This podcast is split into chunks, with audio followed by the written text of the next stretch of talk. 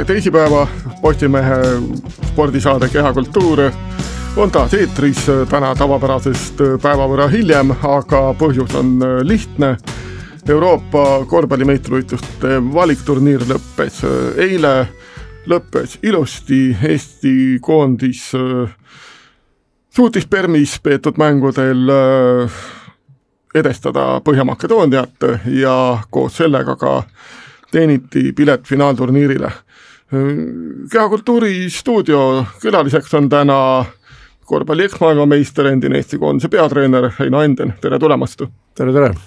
ning Postimehe poolt äh, veavad saadet Jarmo Jagomägi ja Ville Ärike. ning äh, lähme siis äh, kronoloogilises järjekorras sündmuste juurde, seal Permi mullis kõigepealt võitis Itaalia Põhja-Makedooniat eelmise nädala neljapäeval ning siis äh, päev hiljem tuli see legendaarne mäng Eesti ja Itaalia vahel, mis äh, läks lisaajale ja lõppes meil õnnelikult sada viis, sada üks võiduga ja see muutis kogu, kogu Eesti koondise olukorra oluliselt lihtsamaks, et äh, Heino, millise mulje see mäng Itaaliaga sulle jättis? Noh, eks see, eks see mäng Itaaliaga kogu turniiri loomulikult iga, iga episood, iga nagu mäng jättis omaette mulje, aga eks ta tõi palju asju nagu esile. ja ma arvan, et, et ta tõi esile nii positiivsed kui negatiivsed asjad. et kui nüüd võtta paljalt see Itaaliaga mäng, siis noh, me mängisime, mis oli seal positiivset meie jaoks, et see esimene kolm veerand aega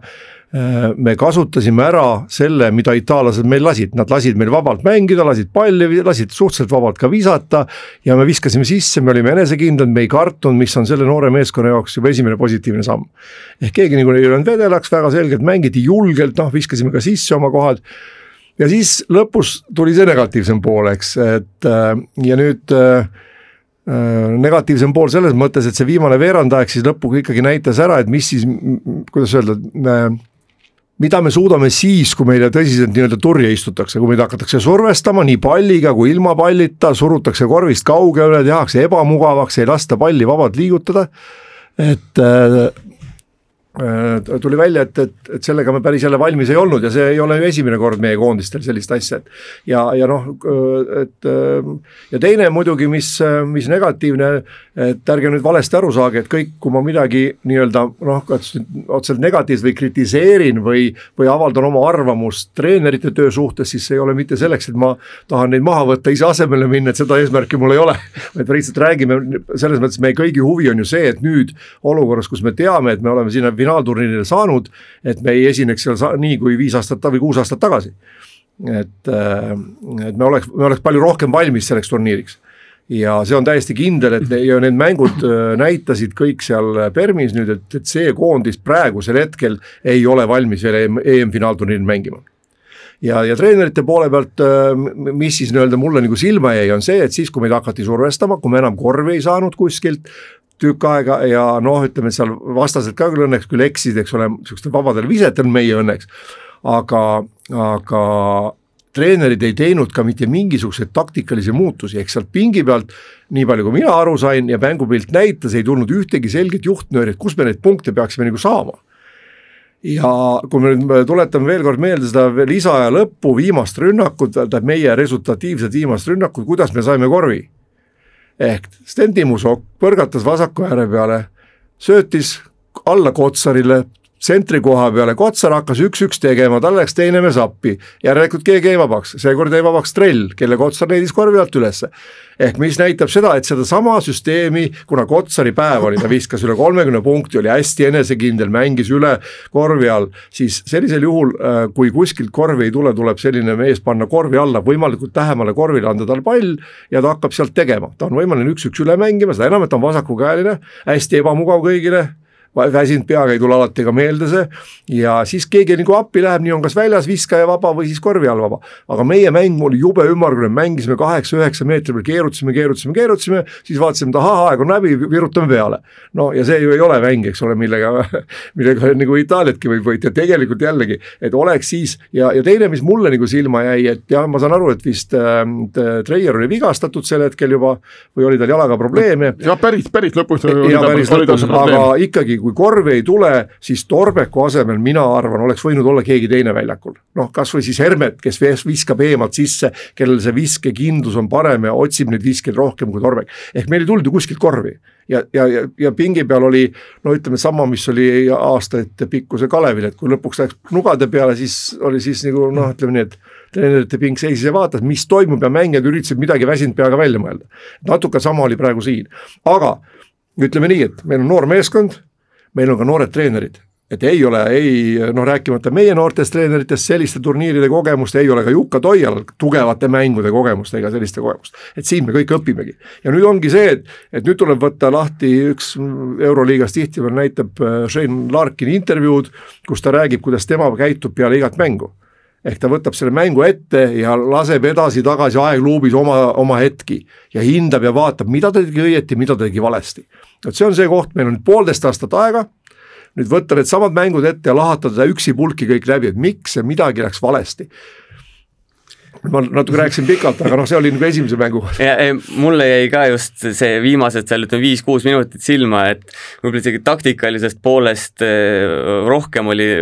lõi välja nüüd see probleem, mis meil on siin ikkagi olnud üsna mõnda aega Eesti korvpallis, et eh, ei pea eriline korvpalliprofessor olema, et selleks, et pressingut murda, mängi mängijast mööda ja tekib olukord, et meil ei ole selliseid mehi, kes, kes suudaks praegu üks-ühe vastu võib-olla nii hästi ette võtta, võistkondlikult me suudame võib-olla ära lahendada, aga praegu neid üks-üks mehi nii palju ei ole, et neid võiks võib-olla peale tulla siin ütleme, Kriisa,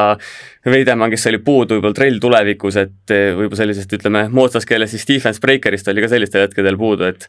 et kui me jäimegi sinna keskjoone juurde vastutama, siis oligi raske lõpuks sinna ka Kotsarile palli alla toimetada nii-öelda. oli jaa, aga noh, ütleme sööduga mm -hmm. ääre peal oleks, no isegi kui poleks põrgata ääre peale, sa ei pea läbi minema, ääre peale siin, nad suunasid meid ju mõlemasse vasakule-paremale, aga ei lasta mm -hmm. läbi minna. või no ühesõnaga ei tahtnud lasta läbi minna, muidugi, eks seal jõuvarud olid otsas ja kõik, aga tegelikult ikkagi noh, noh siis tulebki mängi, minna ise ääre peale, löö äär puhtaks, põrgata sinna, sai ju lõpus sai seda teha, miks seda varem mm -hmm. ei tehtud seda ei proovitudki teha, sest Kotsar ju jooksis seal ka nulli otsast, kui kolmes üritas seal mingeid katteid panna, no selle vastu mängiti hästi ja kui ta seal palligi oleks saanud, ka väsinud, tal on sealt palju raskem läbi minna, kui eks ole, meeter kaks korvist hakata tegema. et selles mõttes noh, see ja see jäi nagu väga selgelt nagu silma. et õnneks see lõppes kõik nagu hästi, aga, aga noh, ikkagi ja muidugi jällegi ütleme nii, et Itaalia noh, sai siis selle raskustega noh, väga suurte raskustega lisaajale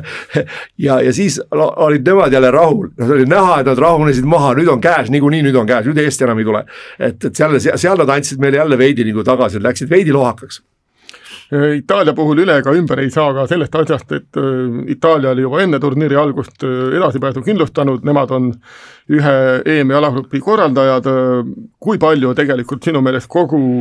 kogu see asi siin nüüd mõjutas, et äh, kaheksa alagrupi peale kokku oli neli meeskonda, kes olid äh, noh, mängisid täiesti lindpriidena selles mõttes, et noh, nende äh, enda suhtes ei sõltunud nende tulemustest mitte midagi. no võin nii palju öelda, et olen ikka piisavalt, piisavalt kaua mänginud seda tipptasemel korvpalli ja, ja mänginud ka kolm, kolm EM-finaalturniiri ja neljas jäi vigastuse tõttu mängimata ja muud turniire, ehk mõjutab igal juhul et ükskõik, kuidas me räägime, et Itaalia oli seal no, oli kolmas koosseis ja mehed, kes tahavad ennast näidata ja tulevad näitama, midagi teha ei ole, nad kõik tulevad ikkagi, see on selline nende jaoks, noh, sul, sul taga kuskil kuklas koputab see, et me ei pea seda võitma. ja no seda meie mängus oli eriti selgelt ju näha, et noh, et noh, nad noh, küll me võtame lõpuks ära ja noh, küll me saame ta kätte ja noh, aga siis, kui asi läks ikka kahekümne peale juba, siis hakkas neil ka nii, et aga noh, nii ta on, midagi teha ei ole ja minu, minu, minu isiklik arvamus on see, et tegelikult need meeskonnad ei peaks üldse mängima neid, miks nad mängivad seda, noh, see on täiesti mõttetu asi. et äh, teine muidugi on see, et, et, et see FIBA ja Euroliiga see konflikt, eks ole, mille tõttu nüüd nagu Läti välja jäi ja ja noh, kui me seda asja nagu üld, üldisemalt ka mingil hetkel siin vaatame, et ma arvan, seda tuleks nagu, nagu ka vaadata, et et äh, FIBA ikkagi ajab oma jonni ja üritab ennast maksma panna ja kehtestada äh, kõikide nende asjadega, mis on tegelikult korvpallile, korvpallimaailmale, korvpalli arengule ja, ja populaarsusele kahjulikud ehk praegusel hetkel, kui, kui nagu ikkagi oleks saanud mängida noh, kas või osa noh, ütleme NBA mehed, okei okay,, jätame Euroopas olevad mehed oleks pidanud saama kõik mängida ja pilt oleks hoopis teine olnud, noh jätame, võtame kas või eile Leedu olukord, eks ole noh. ja, ja jällegi Leedu kaotas ju mängu tänu sellele, et oleks selle taanlase koha peal, kes lõpuks Kalnietsest mööda läks, olnud veidi kogenum mängija, seal oleks miinimum tulnud kaks vaba viset mis ta läks tegema, ta läks viskama, ise lendas korvi alt läbi, ta oli juba möödas, mees on selja taga, hooga tuleb, kaks jalga maha, näita, ta tuleb sulle selga, kas on kaks pluss üks või kaks vaba viset. ja pane üks ära on no jällegi, no mida iganes, aga noh, see kogenematus nagu maksis neile koha, aga halloo, Leedu, Läti, kes on tegelikult, oli eelmine EM ju selge kulla pretendent ja kui nad oleks veidi, veidi enesekindlamalt mänginud Sloveenia vastu, oleks nemad kulla võib-olla saanud. ja on, on, oleks ka seekord olnud kulla pretendent, noh nad ei mänginud üldse. Et no mis see on nagu tegelikult, tegelikult on see jama noh, ütleme ausalt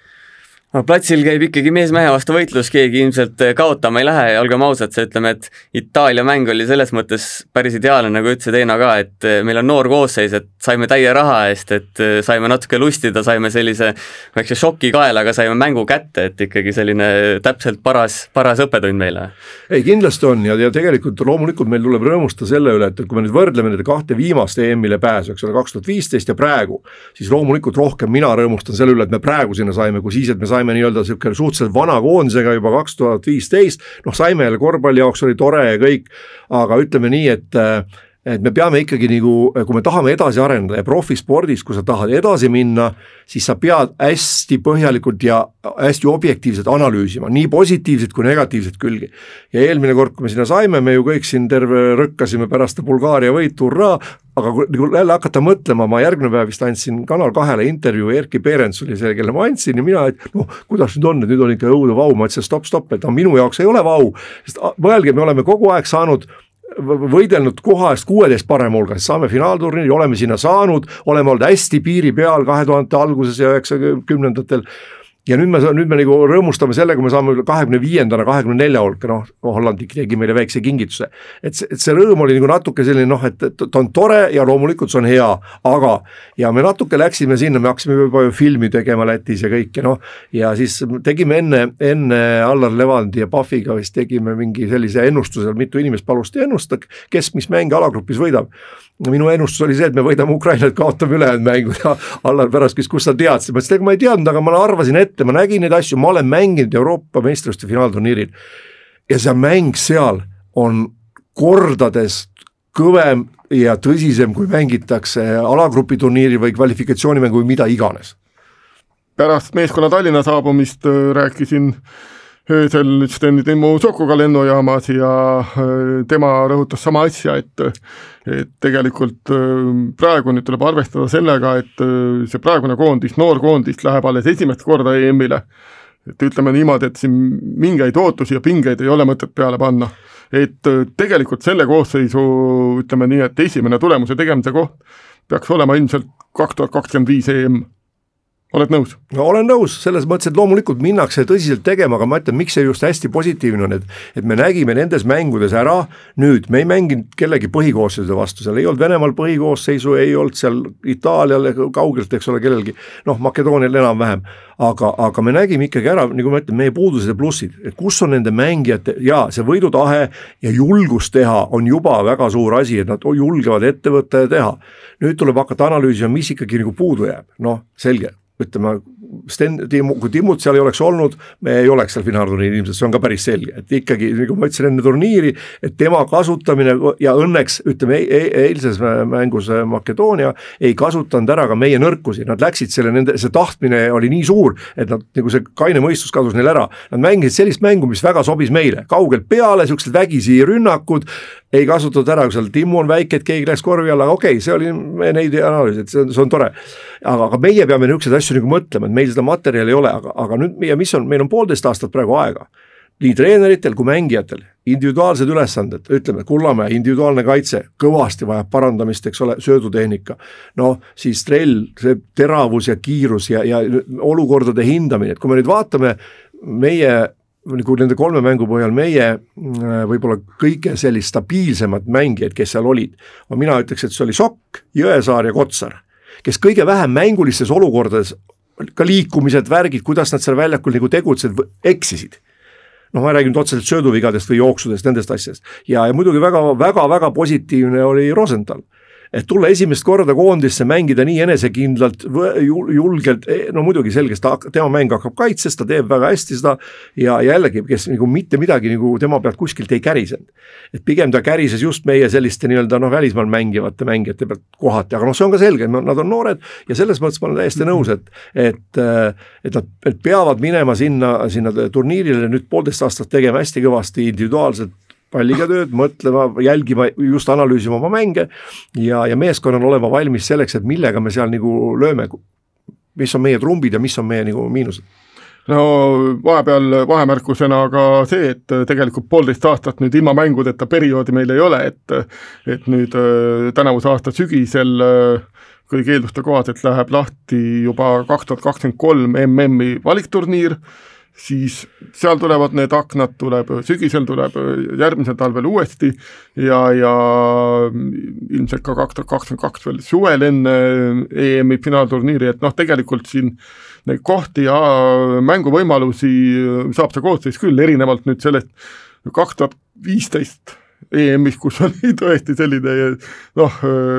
tõeliselt koomiline või, või ütleme, tragikoomiline olukord, et sa kaks tuhat kolmteist aasta esimesel septembril äh, kindlustad finaalturniiri koha ja siis tuleb üle kahe aasta oodata seda esimest, äh, esimest mängu finaalturniiril, kus vahepeal üht, ühtegi ametlikku mängu ei olnudki, mäletame, et me käisime seal Hispaanias sõprusmänge pidamas äh, Argentiinade ja Senegalidega, et noh, et selles, selles plaanis on nüüd parem olukord. jaa, kindlasti ja noh, see, eks see ongi see, see on see just see nüüd ütleme kombinatsioon, et individuaalne treening klubide juures pluss individuaalne treening treeningutest väljaspool, eks ole, mehed peaks tegema igapäevaselt, pluss siis need mängud, et see annab kogu aeg, siis treener saab kogu aeg jälgida ka nii, et kui meeskond tuleb mingi hetk kokku ja uuesti jälle mängib, vaatab, mis on paremaks läinud, mida ja, ja nendeks mängudeks peavad olema selged nagu ülesanded. aga see, mis on kaks tuhat viisteist, siis ma arvan, et ega see nüüd, seal neid mänge oleks kindlasti võinud ju leida ja me, see oli suhteliselt kogenud meeskond. minu arvates, mis seal kõige suurem viga tehti, on just see, et kuna peatreener oli Tiit Sokk, ta oli ainuke mees kogu sellest seltskonnast, kes reaalselt teadis mi-, millist ja kuidas mängitakse tipp, maailma tipptasemel tiitlivõistluste finaalturniiridel. et seal minnakse ära sööma vastast, sinna ei minda lihtsalt mängima, sinna minnakse tapma ja me saime seda tunda Belgia ja Tšehhiga mängus kohe alguses ja nüüd, et, et seda natukene seda, mida nüüd treenerid võiks ka kasutada järgmine aasta näiteks, et äh, enne seda, kes ei ole meie alagrupis, eks ole, võib-olla on ta Venemaa, võib-olla on ta seal Leedu, võtta ja teha kas või kinniste uste taga kaks sellist mängu kus lastakse, et paluda, et meid hakitakse, et meid tõsiselt poolesti pekstakse, surutakse ja vigade piiril mängitakse, et mehed harjuks sellega ära. sest me läksime Riiga, eks ole, me läksime mängima seda Eesti no meistrivõistluste tasemel korvpalli, et no me saame nii rahulikult liikuda, rahulikult sööta, rahulikult visata. ja siis, kui tulid vastu, eks ole, noh, nii-öelda meeskonnad, keda me lootsime võita ja minna juba Pariisi, eks ole, edasi, et selleks, ega muidu seda filmi ei hakatud tegema, noh. et siis, siis meil me näidati kohe koht kätte, kuidas seal mängitakse, aga seda oleks võinud näha nagu nagu enne ette, natukene ette. et me mängisime küll kontrollmänge, aga need olid siuksed noh, nagu ikka, sa pead andma vastasele selge ülesande, et hei, kas või mõne maa, maa teine koondis, et Soome, võta seal, need on tugevaid poisse küll, kes tulevad ja tahavad hammastega näidata. et seda, seda, seda tunnet on vaja enne saada natuke jah, et kui te siin hakkasite juba võrdlema kahte, kahte nii-öelda seda aastakäiku, siis leian, et oleks tahti, tähtis ära märkida see ka, et nagu te ütlesite, siis tegelikult sel hetkel, kui see kaks tuhat viisteist sinna koondis sai, olidki kogenud tegijad, see oli nende nii-öelda tipphetk, nad olid juba vanad mehed, aga see uus generatsioon läheb nüüd esimest korda, aga nad tegid selle kohe ära selles suhtes, et need on noored vihased mehed, nad lähevad iga päevaga põhimõtteliselt paremaks. too meeskond pigem siis pidi taset hoidma, kui, kui, kui nii võtta, et et võib-olla mis veel siit nii-öelda Permi aknast silma jäi, et me oleme nüüd möödas võib-olla sellest ajast, kus kus me peame jube kõvasti, kõvasti kaitses mängima, et, et kellegi, kellegi vastu võit kätte saada, et see praeguste persoonidega võistkond mängib üsna sellist ikkagi tänapäevast kiiret ja atraktiivset korvpalli, et okei okay,, mõnikord ollakse võib-olla natuke liiga efektsed eff, efektiivsuse arvelt, aga ütleme nii, et need need mängijad, kes meil on seal piiri taga, et need loovad juba kõvema aluse, et, et olla juba järgmisel turniiril EM-il parem, mitte, mitte nüüd juba, mitte ainult kahe tuhande kahekümne viienda aasta peale mõelda näiteks. absoluutselt, nendel ongi tulevik ees ja seda, et seal loodame, et neid on mitu turniiri tuleb, kui mm, -hmm. kui pika vahega need nagu tulevad, aga, aga see on selles suhtes on õiges, et aga jällegi, võtame nüüd see Venemaa mängu, kui me räägime Itaalia mängust, eks ole, et siis ähm, me viskasime viiskümmend kaks punkti Venemaale ja, ja kaotasime kahekümne kolme punktiga, et, et sa, et, et kaitsest ei -hmm. mängita, no ikkagi mängitakse mm. -hmm. jällegi, tuleme kaitse, noh natuke kaitse, üks-üks ma ütlesin, et Kullamäe jääb natuke hätta, noh Sokk on kavalusega, suudab natuke peita oma asju veel, aga nendel noorematel tuleb see kavalus ka. nüüd siis, kui võtame, et väga, et Rosenthal ja eriti nagu Torbek on, Torbek on meil kaitsespetsiks, aga mida mina olen nagu tema mängus tähele pannud, ta on väga-väga hea, ta on tõsiselt Eesti ilmselt üks parimaid, kui mitte parim, palliga mängija vastu kaitses mängib, jalgade töö, kohavaliks ja surve ja kõik, aga ta teeb väga palju vigu meeskonnalikus kaitses, et kui tema ei võta palliga meest, vaid ta võtab pallita meest, et ta tuleb liiga palju appi ja tihtipeale tema pealt tulevad ka Kalev Cramos väga lihtsad kolmesed, et siin on jälle üks koht, mida tuleb nagu noh, et kus sa abistad, palju sa abistad ja kelle pealt sa abistad, et noh, et see tahtmine on suur, aga see tuleb selle külma peaga mõelda, et millal ja keda minna, aga, aga mind just pani nagu tegi natuke murelikuks see, et me oleme rünnakule orienteeritud, kõik on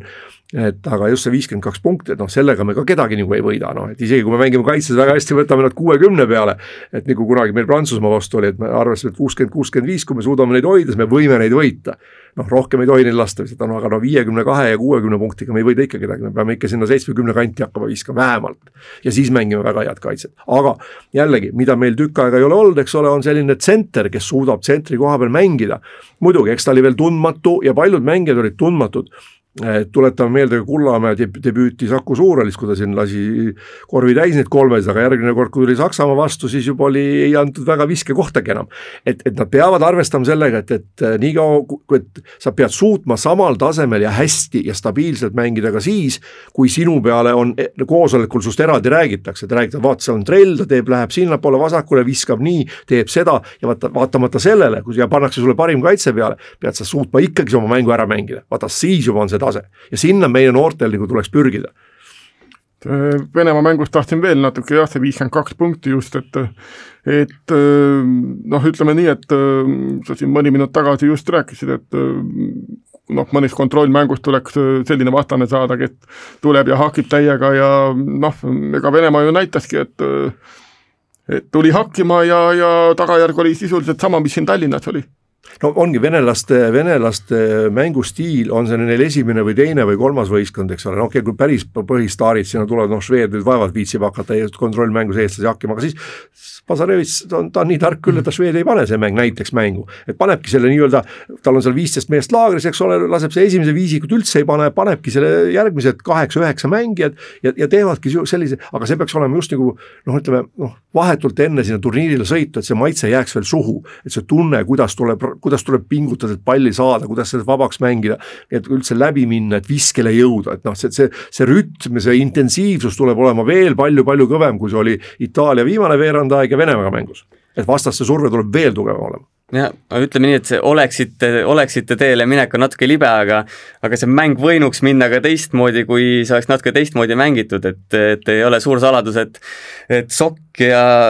Sokk ja Treier oleks saanud mängida, kui oleks väga vaja olnud, neil oli vaja teha nii-öelda, nii-öelda kaalutletud otsus, et kuhu, kuhu nii-öelda panused panna, läks Põhja-Makedoonia peale, et midagi parata ei ole, ütleme, et siin Kirves, Puidet, Laane ei ole ikkagi sellel tasemel mängijad, et kui oleks seda nii-öelda rotatsiooni natuke teistmoodi hoidnud, eh, natuke teise lähenemisega mängul läinud, et tegelikult me kolmanda veerandaja keskel olime veel ju Venemaa sabas, et see suurem pakk tuli, tuli lõpuga. Ja, ja eile Toiale ka rääkides ta ütles ka, et eh, midagi teha ei olnud, et natuke see mäng ära anti vaatega Põhja-Makedoonia poole, kuigi jah, viiskümmend kahe, viiekümne kahele punktile väga, väga muidugi sellist head, head selgitust ei ole. no jaa, ma olen mingil määral seda võib nagu niimoodi mõelda, et seal oli selge, et oleks Timmu võinud mängida, ma arvan, ta isegi võib-olla noh, mõelda, et tavaliselt treener laseb ikkagi mängida selline seitse-kaheksa minutit, kui ta tahabki mängijat hoida, noh, olla rütmis lihtsalt sees, aga noh, ta ei lastud, oli noh, ta oli, kõik oli õige otsus. aga ma ütlen, et kuna selles mängus jälle mängis nagu Hermet,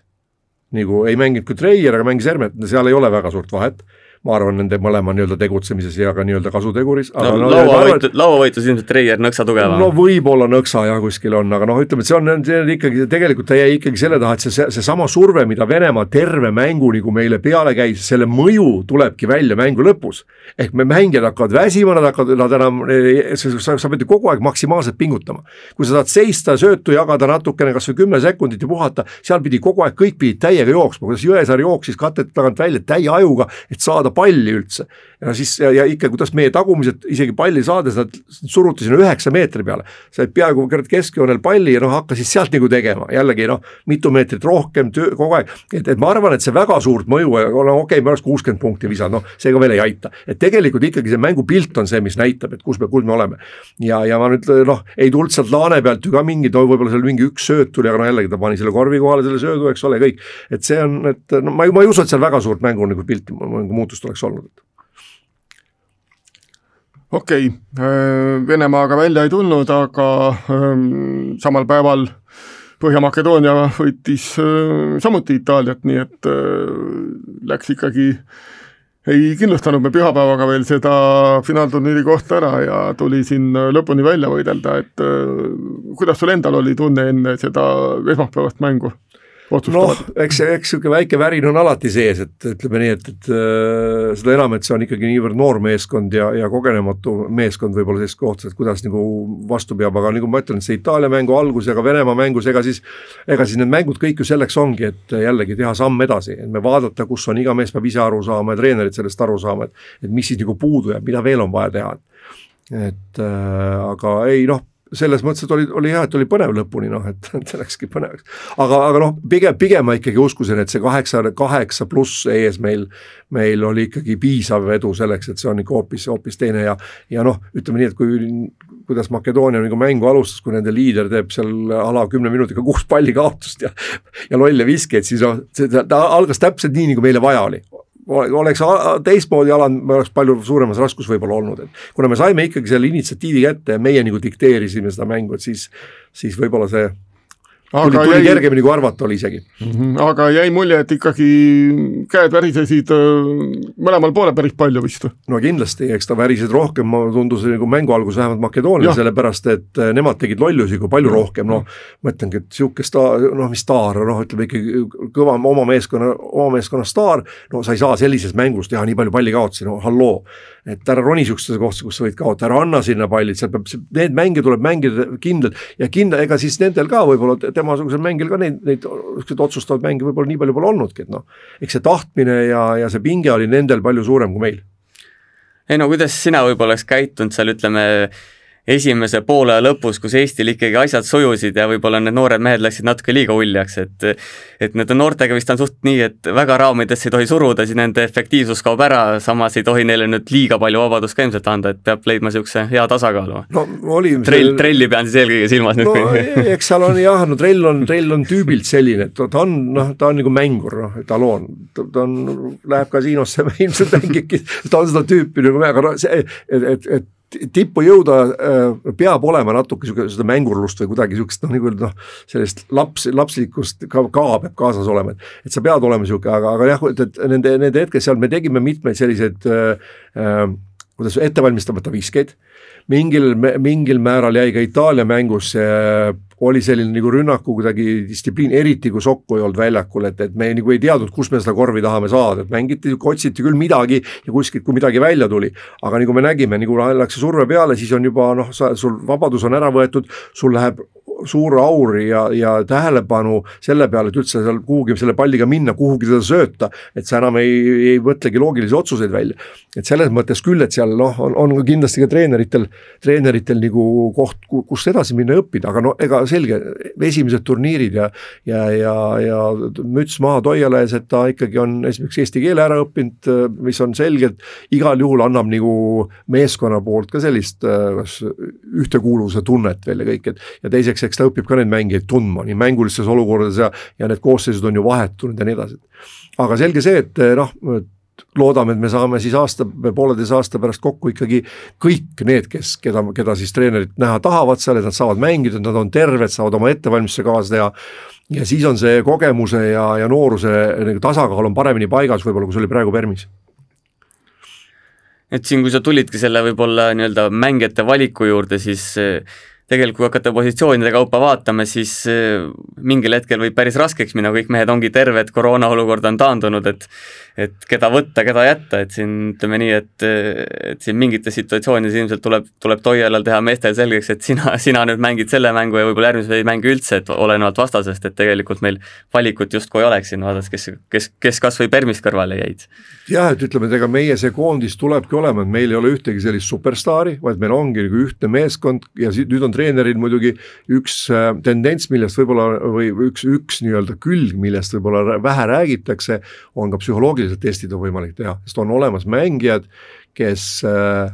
mida rohkem nad väsivad, seda rohkem nad hakkavad eks-, eksima Nad võivad mängida enne väga hästi, aga väsimuse foonid, nad hakkavad väga, see, see hüpp, hüppeliselt tõuseb see protsent, mis nad, kus nad eksivad, söötudel, otsustel, liikumises ja nii edasi ja on olemas mängijad, kes, mida rohkem nad väsivad, seda rohkem nad suudavad ennast kokku võtta. et hakkavad palju äh, ratsionaalsemalt ja targemalt veel mängima, ehk nad suudavad nagu kontsentreeruda. ja need test kunagi kahe tuhande alguses, kui ma koondisega, me hakkasime neid teste juba tegema, ma ei tea, kas neid praegu enam tehakse. ja sealt tuleb palju asju välja ja vaat kui niisugune võrdne seltskond tuleb olema, siis sa ju vaatad, eks ole, kes on terve olnud, kes on ettevalmistuse kaaslased, kes kuidagi on mänginud, just analüüsinud neid raskeid mängu lõppe, kus on noh, kas seesama Itaaliaga lisaaeg või viis minutit või Venemaaga mäng, et kus terve mäng on raske, et kuidas seal mängija on käitunud. kas ta poeb peitu, et, et on ka meil ajaloos olnud väga häid snaipreid, kes kes ei taha mängu lõpus enam palli saada, väga oma nimesid ei hakka nimetama, on ka olnud niisugune mees, nagu näiteks oli äh, Salnikov äh,, Kiievi mängija, kes oli väga, ma arvan, et üks või, või siis jätta kuuskümmend kuus punkti viskas ta kõige rohkem liidu meistrivõistlustel, aga MM-i finaalis jooksis juba nii-öelda väljaku piiridest väljas, et, et ma enam, no et ei, kes ei julge seda otsustus, et ärge mulle seda palli palun andke, et järsku ma eksin. vaata treener peab sihukest asja nagu teadma, et, et siis lähebki selle peale, ma arvan, asi. Või vähemalt peaks nagu minema, et kui on, kui sul on ikkagi seal ala viisteist võrdset meest. ja noh, nüüd ka võeti ju viisteist meest kaasa, saad neid suur turniiri ajal ju ka vahetada, võib-olla ongi erinevad vastased tulevad olema. võib-olla mõnda meest on vaja, võib-olla ongi seal Mihkel Kirvest kuskile mingisse vaja kedagi, kedagi kaitses võtma ja tegema oma kolm-neli viga ruttu ära ja võtma ta enesekindlus ära, ajama närvi. Ja kõik, see ongi tema roll selles mängus, kaks-kolm minutit väljakul ja kõik, neli viga ära, minema vastane võib-olla saab tehnilise ja lööb ka veel ja läheb minema, no mida iganes. noh, need on siuksed asjad, seal läheb selle peale see mäng, midagi teha ei ole. Lähme korra veel selle viimase mängu juurde tagasi, et noh, Põhja-Makedooniaga mäng ikkagi otsustas selle edasipääseja ära, et et kuidas sulle tundub, kuivõrd oluline nüüd see oli, et meil oli see kaheksapunktiline varu olemas? no küll ta oli oluline, küll see on ikkagi noh, kõik ju selle peale, mõtled küll, et oh, lähme null-nullist ja ma ei mõtle, aga see on, see, see mõjutab igat ühte, keda rohkem, keda vähem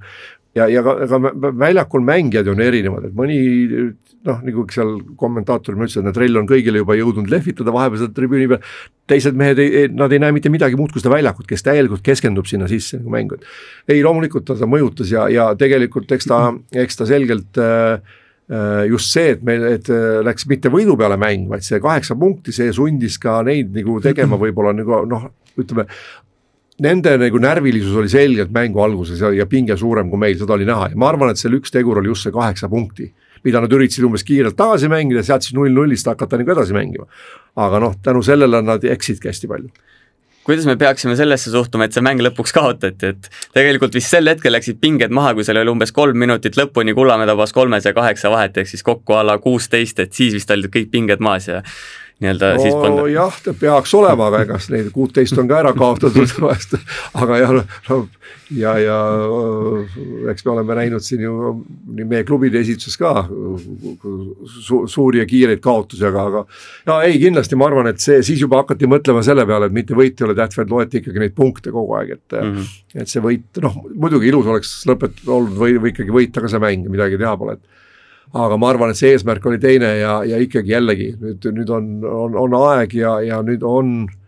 on noh, õnneks on Toialal väga palju muid ülesandeid ei ole, et tal ongi aega teha meestele plaanid, nendega suhelda, käia nendega rääkimas, suvi tuleb varsti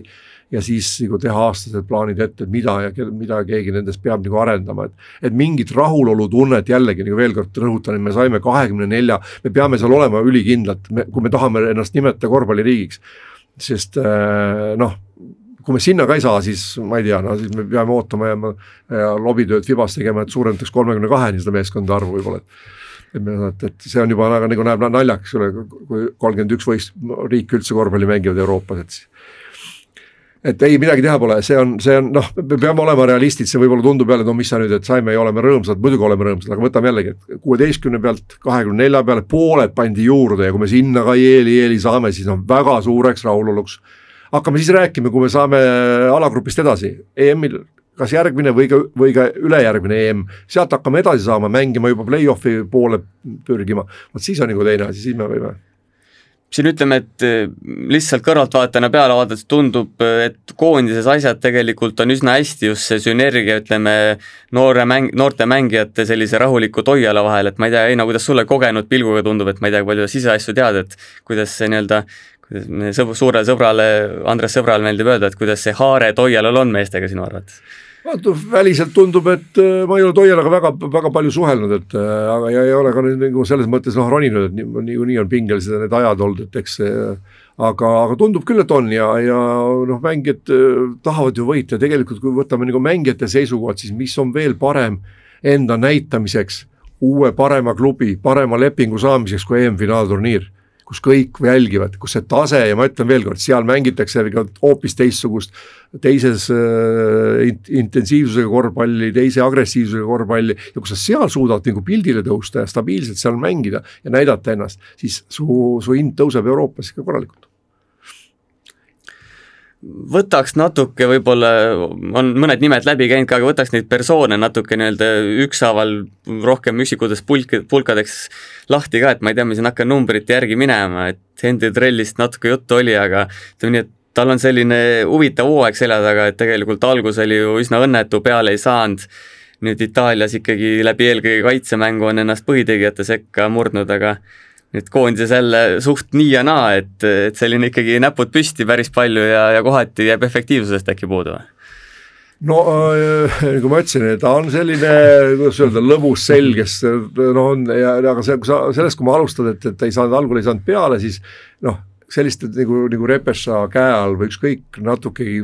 natukegi paremas võistkonnas, natukegi kogenuma treeneri käe all tuleb see, see mu-, muud moodi välja treenida kui sellega, et ma olen pikk, tore ja lõbus ja noor sell ja andekas ka võib-olla. et selle andekuse pärast sa saad võib-olla kümme-viisteist minti mängu, mänguaega mingis mängus, aga sellest ei piisa, et sinna jääda või nagu koht teha. see tuleb igapäevase tööga, nii hommikuses kui õhtuses trennis, iga mäng, iga hetk näidata oma professionaalsust ja siis see treener hakkab susse uskuma, et ta võib loota sul, sind, sinu peale väljakul täielikult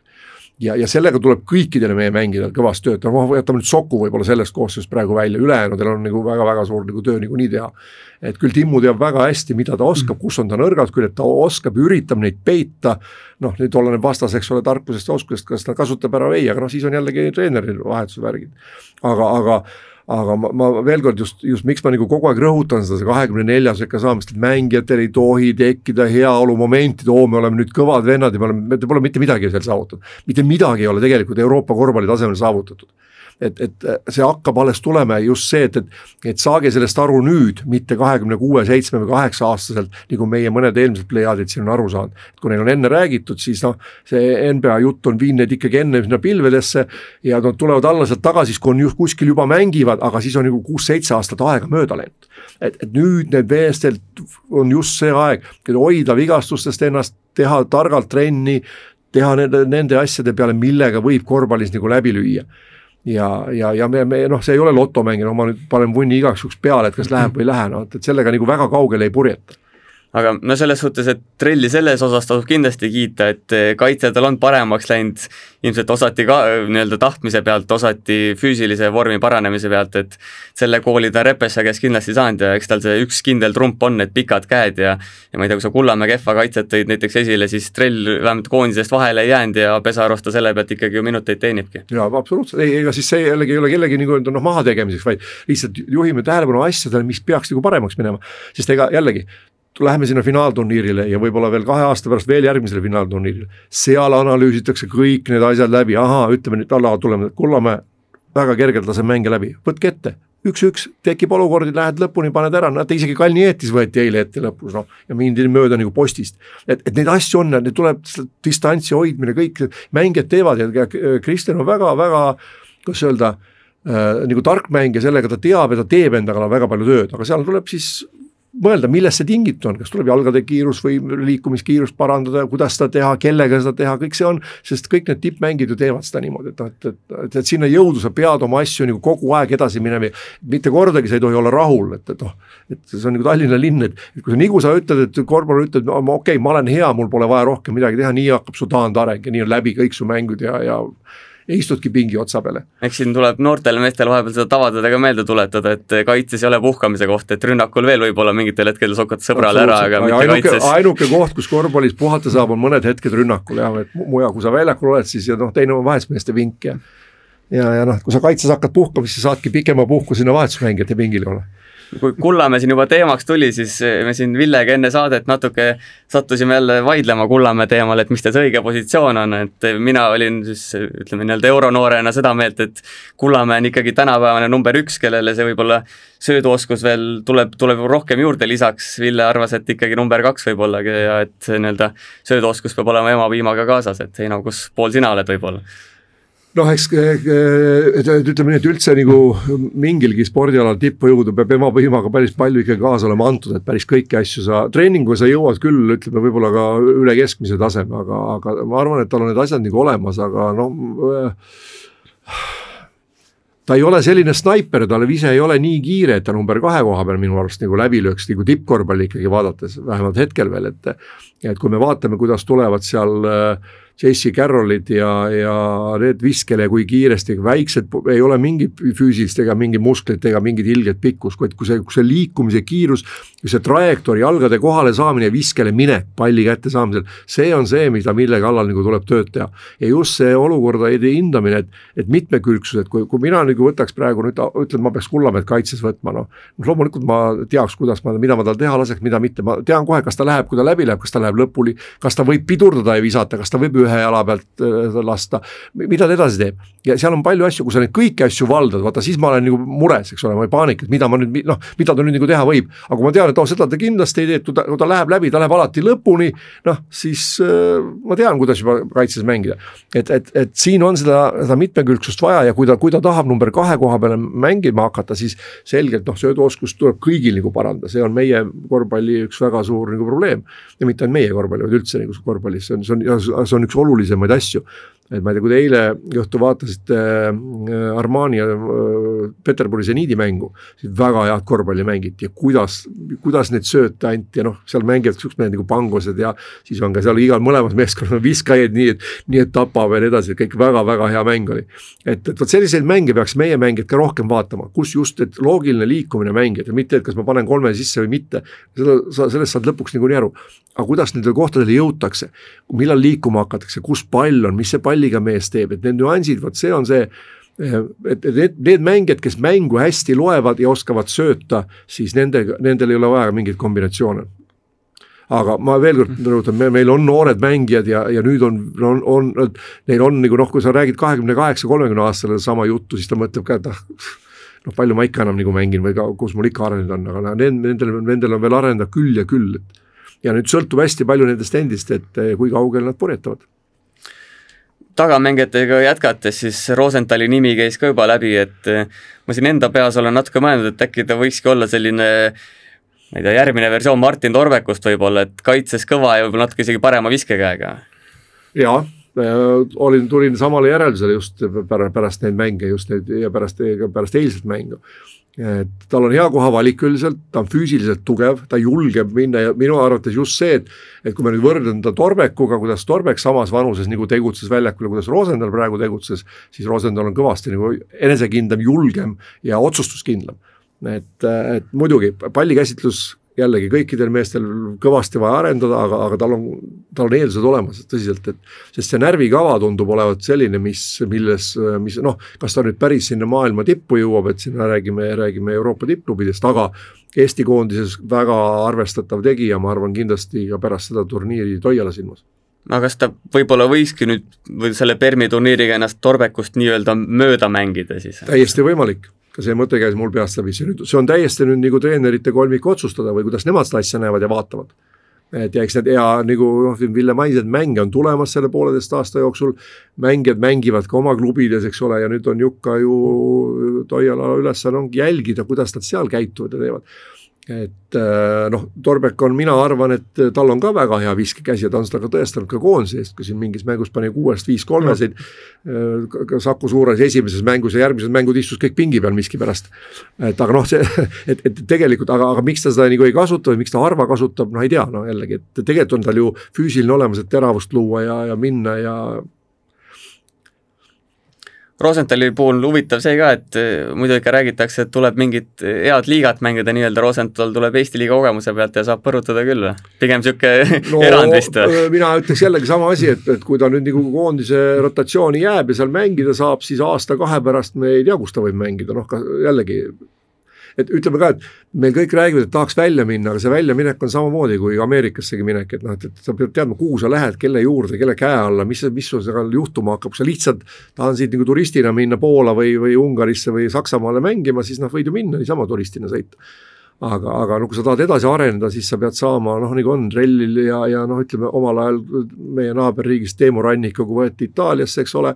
siis võeti sinna seitsmeteistaastase poisina kolm-neli ja mängis küll, kogu aeg arendati, kogu aeg kuskil lükati mänge, anti, vaadati, jälgiti, tehti tööd, aga siis nelja aasta pärast lasi kümme, viisteist aastat mängis tipptasemel korvpalli, et. Liikudes siin nüüd natuke ääremängijate poole, siis Janari Jõesaar, et selline palju leierdatud teema, et Kalevis põrutab, koondises põrutab, aga Hispaanias millegipärast ei tule välja, et ikkagi, ikkagi asendamatu mees seal nende lauavõitluse, lauavõitluses mõlemal pool väljakut, et need, see nina, mis tal on, ikkagi toob meile päris palju punkte iga mängu kokkuvõttes. no just Janari on täpselt selline mängija, keda mina olen alati hinnanud, et ei, sa ei pea rabelema väljakul, sa ei pea ilgelt ringi jooksma seal edasi-tagasi ja sahmima, vaid vaid sa teedki kaks sammu vasakule, kaks sammu paremale, kaks sammu ettepoole, keerad natuke siia-sinnapoole, jälgid, mis toimub ja see kohavalik on korvpallis ülioluline, sellega sa säästad ülipalju jõudu ja, ja seda, et kui sa seal niisama ringi rabeled, noh, et äh, palli näed, meest näed ja siis valid seda õigelt kohta, palju järgi anda, appi minna, kas ma, kuhu ma jõuan, kas ma tagasi jõuan, nagu sa loed nagu seda mängu nagu ette. et okei okay,, kui sealt mängija tuleb läbi, ma peaks ta vastu võtma, kui ta nüüd välja söödab, kas mina jõuan sinna tagasi, võib-olla ta siis ei peagi sinna enam jõudma. aga ta valib seda kohta väga hästi ja just, et tegelikult hästi palju Äh, teiste mängijate lauapalle, kes lõpuks selle palli kätte saavad, on tegelikult ju Jõesaare töö, ta läheb, loob selle kontakti, loob selle olukorra, lükkab näpuga või, või surub või selle mängija, kes oleks selle palli saanud välja, pall põrkab järgmisele. et ta teeb, ta teeb väga-väga-väga kasulikku meeskonda, jah, mis minu äh, Äh, silmis on, et äh, ta natukene on võib-olla, võiks olla äh, agressiivsem ja nahaalsem ka palli, palli küsides, nii Graamos kui koondises. sest tal on hea vise, tal on ka läbiminek. et siin paar korda nüüd mängiti selle peale, kui ta lõikas alt pika katte pealt maha ja lõikas ja sai palli, läks kohe keskele, ma ei tea, kas see on nüüd treenerite ja Toiala poolt talle öelda, et tee nii, see toimis väga hästi jällegi, aga ta peaks seda palli rohkem nagu küsima ja tema käest võiks see pall läbi käia, sest see jõuab sealt loogilisse kohta, nagu ka, nagu ka Soku käest no kas see nüüd võibki olla see põhjus, miks äh, võib-olla seal Hispaanias tal ei ole kõige paremini läinud, et et äh, võib-olla kindlasti, meie, ma ei oska öelda, eks ta oskab. meeskonna, et me ei tea täpselt neid asju, eks ole, võib-olla seal meeskonna sees äh, nii-öelda koha, võitlus, võitlus meeskonnasisese koha eest, et ei, aga see ongi, see, see, me, me kujutame, meil kõik noored on kogu aeg rääkinud, ma tahan välja minna, ma tahan välismaale minna, see ei ole meie lakkumine. siin, seal sa oled iga sekund luubi all jälgid, mida sa teed, kuhu sa, mida sa sööd, kas sa lähed, võtad mõne õlle kuskilt, kuidas sa trenni teed. ja see, see on, see on hoopis teise ja siis sa tuled sinna nii-öelda noh, nagu, nagu täiendusena välismaalasena, sinu käest hakatakse nõudma tulemust agressiivsust, mängu, skoori, lauapalle, kõike, kõike, kõike, et sa pead, sa pead seda kogu aeg nagu näitama et äh, ma ei oska öelda, millised nõudmised treeneril tal olid, milline oli see meeskond seal, mul on jube raske selle kohta midagi öelda, ma peaks nagu noh, nägema mõnda mängu või treeningut enne, vaatama, mis selle treeneri käekiri on, siis ma oskaks mingi oma arvamuse asja kohta öelda, aga selles mõttes ma parem ei hakkaks ta torkima, Janarit, ta, Janar on nii tark mees, ta teab väga hästi seda ise, kas ta sellest tahab rääkida või mitte, et see on nagu teine teema sarnaselt Jõesaarele oli väga olulises rollis nii Itaalia kui Põhja-Makedoonia vastu Kaspar Treier, kes ütleme siin eelmises koondise aknas nüüd esimest korda Venemaa vastu oli sellises nii-öelda päris rollis siin selle Itaalia meistriga lepingu pealt ja nüüd, nüüd mängis ikkagi, ikkagi päris, päris ilusat, head korvpalli nii rünnakul kui kaitses, et mis mulje, mulje tema sulle jättis, Aino? hea mulje jättis ja just see, et ta, ta läheb lauda, ta läheb lauda, läheb ründelauda, see on juba esimene positiivne see ja tal on selline, kuidas öelda, ta on keskendunud sinna mängule ja sealt tuli selliseid noh, ütleme kergekäelisi eksimusi, aga kellel noortest ei tule selliseid viskeid, mis ei ole võib-olla kõige õigemal ajal tehtud ja nii edasi, aga nendest õpitakse, see on nagu selles mõttes, ega ta väga suuri prohmaga, võib-olla mis, mis nagu silma jäi, et laua blokeerimine, just oma laua blokeerimine, et seal minu arust noh mitmed korrad jäi ta ka lootma, kas siis oma selle hüppe peale või selle peale või lihtsalt unustas ära, aga jällegi, need mängijad võiks need mängud ise ette võtta, aegluubis läbi vaadata, neil aega peaks küll olema oma koduklubides ka ja teha seal analüüsi, miks ma siin valesti tegin. ja vaata, kui sa sihukest asja teed mõttega, siis see jääb sulle sinna pealuu sisse, järgmine kord sa oled palju parem selles asjas. ja nii iga mees, kui teeb, et no võtame nüüd, ma sama veel kord tulen selle Larkini juurde tagasi, no kurat, see mees nagu ei peaks seda tegelikult tegema, eks ole, aga ta teeb seda iga kord. ta ütleb, iga mängu ta vaatab tundide viisi ta ütles, ma ühte sama kohta kerin edasi-tagasi aegluubis ja vaatan, kuidas oleks pidanud teistmoodi käituma. ja see ongi see analüüs, mis jääb sulle meelde, millest see on nagu koolitund, sa õpid kogu aeg. see on parem võib-olla kui meeskonnatreening, kui sa saalis jooksed. selle turniiriga paistab, et ikkagi Treier tõestas, et, et tema vist on ikkagi Toialal enne valikus kui Gregor Hermet, et Hermet rohkem vist selline nišimängija viske peal, et eh, Treiel rohkem selliseid käike mõlemal pool väljakut. jaa, kindlasti, no Jukka Toiala, tuleb nüüd tema juurde tagasi, on, on, on Soomes olnud väga tunnustatud ja hea mängujuht, väga tark mängujuht omal ajal olnud. jah, loomulikult on tal kergem ju seda mängujuhi koha pealt seda mängu ka treeneri pingilt vaadata, ta mängujuhina ju näeb, mida ta, ta peaks ise teeks seal ja kuidas üles ehitada, oskab seda teha. ja paljuski jäi tal nagu siin veel puudu võib-olla selle, kuidas öelda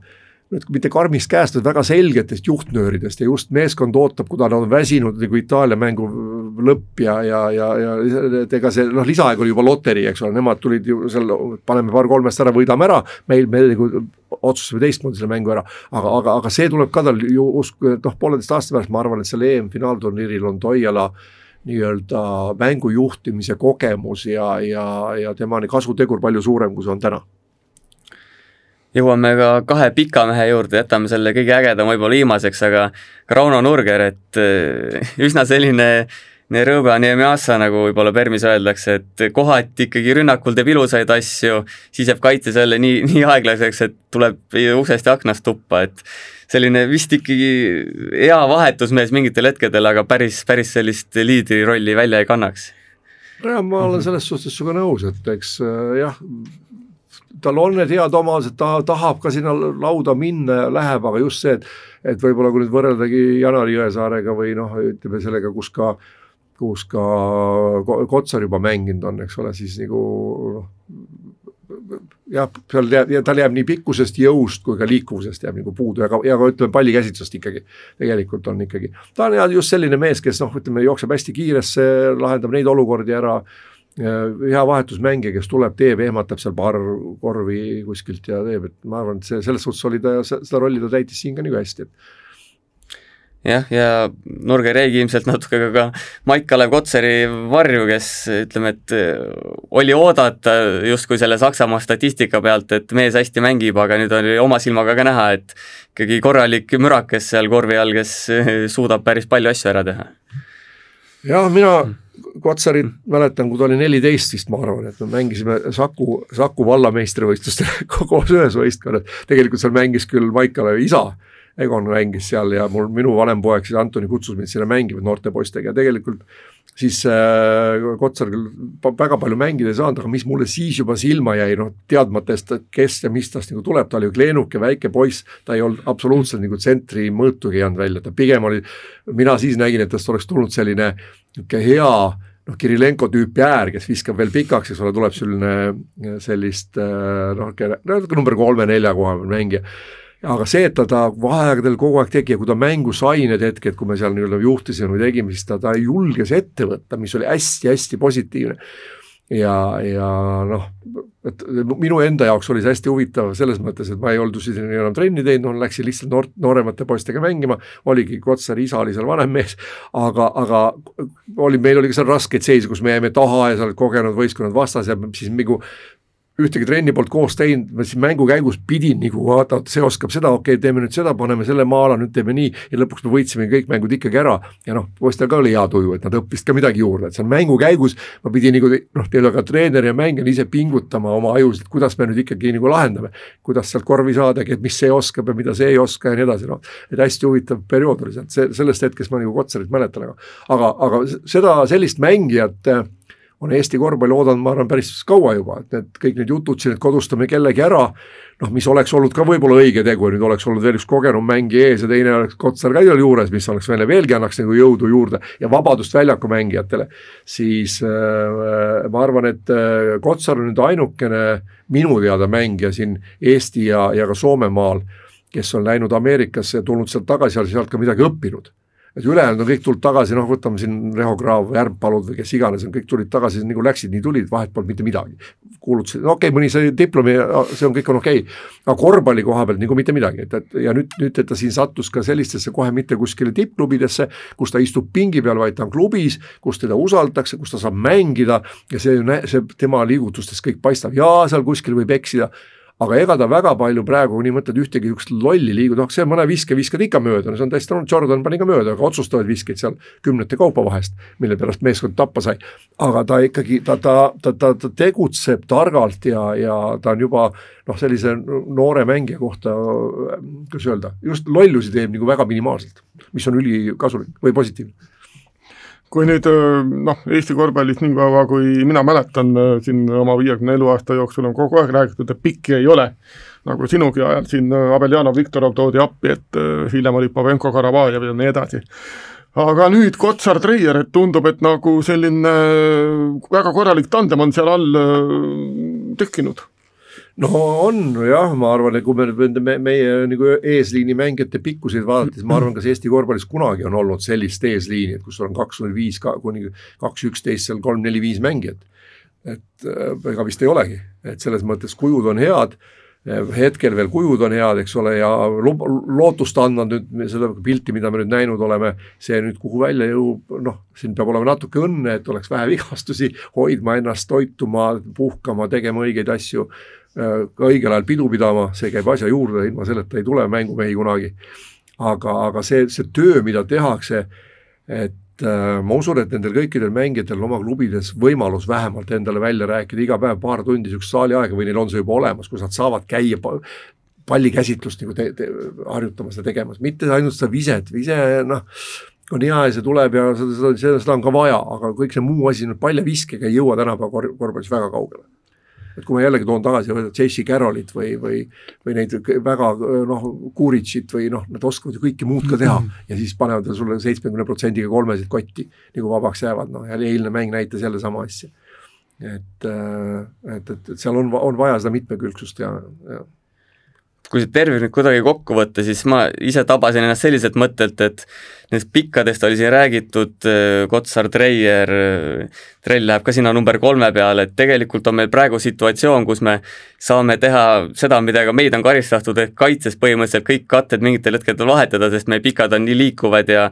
saavad ka tagumistega hakkama, et see annab taktikaliselt äh, selliseid häid võimalusi kaitses äh, minu arvates nii-öelda roteeruda ja, ja tegutseda, et ja kui kaitse töötab, siis sealt on hea joosta kiiresse ja poolkiiresse, siis ei peagi üks ühe vastu kellelegi ära tegema. ma arvan, et see võib olla jaa, üks meie kaitses üks nagu taktikaid küll, et, et kõik need kattekattest mängud, et selles, see, see nende mängudega neid noh,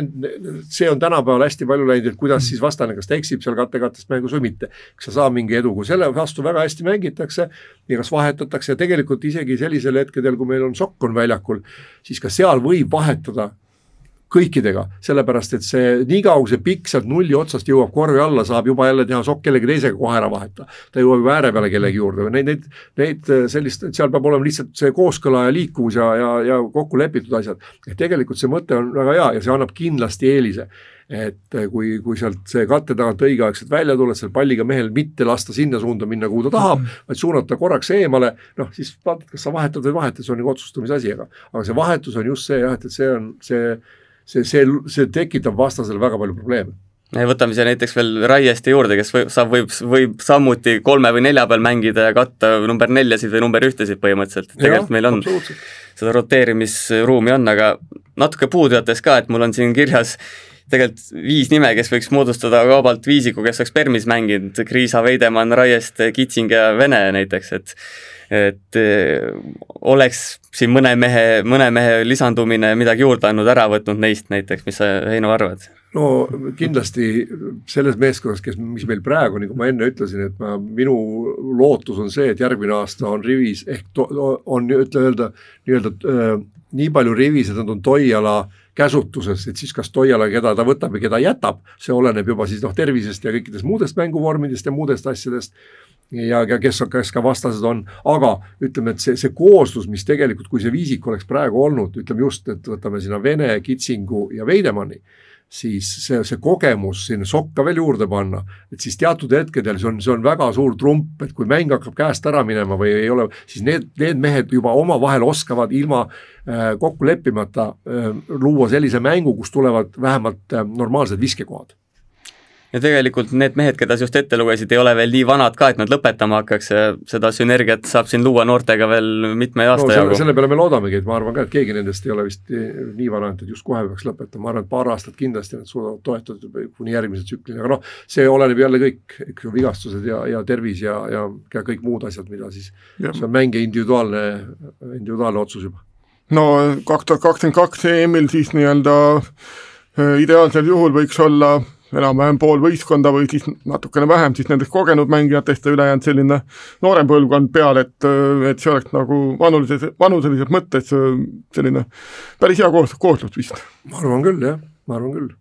et kui nüüd ütleme, see koosseis, kes praegu siin Permis käis, kui need oleks kõik nii-öelda noh, ütleme jutumärkides saadaval mm, -hmm ja siis ülejäänud mehed, kes ei käinud, oleks ka saadaval ehk oleks terved ja, ja vormis, et siis on Jukal on väga hea. Selles mõttes ja noh, mõnes mõttes tundub, et see on nagu raske, aga tegelikult on seda treeneri jaoks nagu parim variant üldse. Et kui sa, sul on ikkagi valida, et sul on, sul on teada, kelle vastu sa mängid, sul on nende meeskondade nagu käekiri enam-vähem teada, kujud teada ja sinna sa validki nii-öelda, sul on ju oma taktika ja mänguplaan olemas ja sa validki vastavad mehed sinna, kes selle suudavad ellu viia jah, ja kokkuvõttes võib öelda, et tegelikult ei ole ju seda hirmu, et need mehed peaks mingil põhjusel kehvemaks minema, okei okay,, vigastused, need on niisugune vääramata jõud, aga ma ei tea, Kullamäe ilmselt järgmine hooaeg Hispaania kõrgliigas, esiliigast tõusnud või noh, seda nii-öelda satsi vahetanud, et võiks olla potentsiaali, et läheb järjest ja järjest paremaks ainult. No ma arvan küll ja veel kord soovitus kõikidele nendele noorematele mängijatele eelkõige, et tehke nüüd poolteist aastat kõvasti tööd, siis uskuge mind, kui te natukenegi ennast näitate EM-finaalturniiril, ükskõik kuidas meeskonnal läheb siis äh, teie aktsiad tõusevad kõvasti korvpalliturul. Jah, tuletan meelde üheksakümne kolmanda aasta EM-finaalturniiri, kus Eesti sai kuuenda koha ja no praktiliselt terve meeskond sai pärast äh, uued lepingud, nii et et see oli ka kuues koht, eks ole, noh see on see veel lisaks, aga just see, et seal on ju kõik, kõiki jälgitakse, seal jälgitakse kõiki, eriti nooremaid mängijaid just, kes on seal alla kahekümne eelkõige, aga ka natuke juba üle kahekümne, kellel nähakse ikkagi, et on, on klubid ju otsivad selliseid, noh vaatame, kuidas praegu tegutsevad Barcelona või Real Madrid näiteks. noh, kas või Luka Doncic, mis, millal ta sinna võeti, palju talle anti ja lubati teha väljakul noh, vahest võib-olla ka nagu kahjuks meeskonna hetke tulemusel seal esimene poolaeg. aga ainult nii kasvabki nagu mängija, et sa, sa, sa, sa, sa ju, sa, sa kontrollid teda, milleks ta võimeline on. sellega hakkab Kehakultuur tänaseks lõpetama, aitäh äh, stuudiosse tulemast, Heino Enden. uus saade juba järgmisel nädalal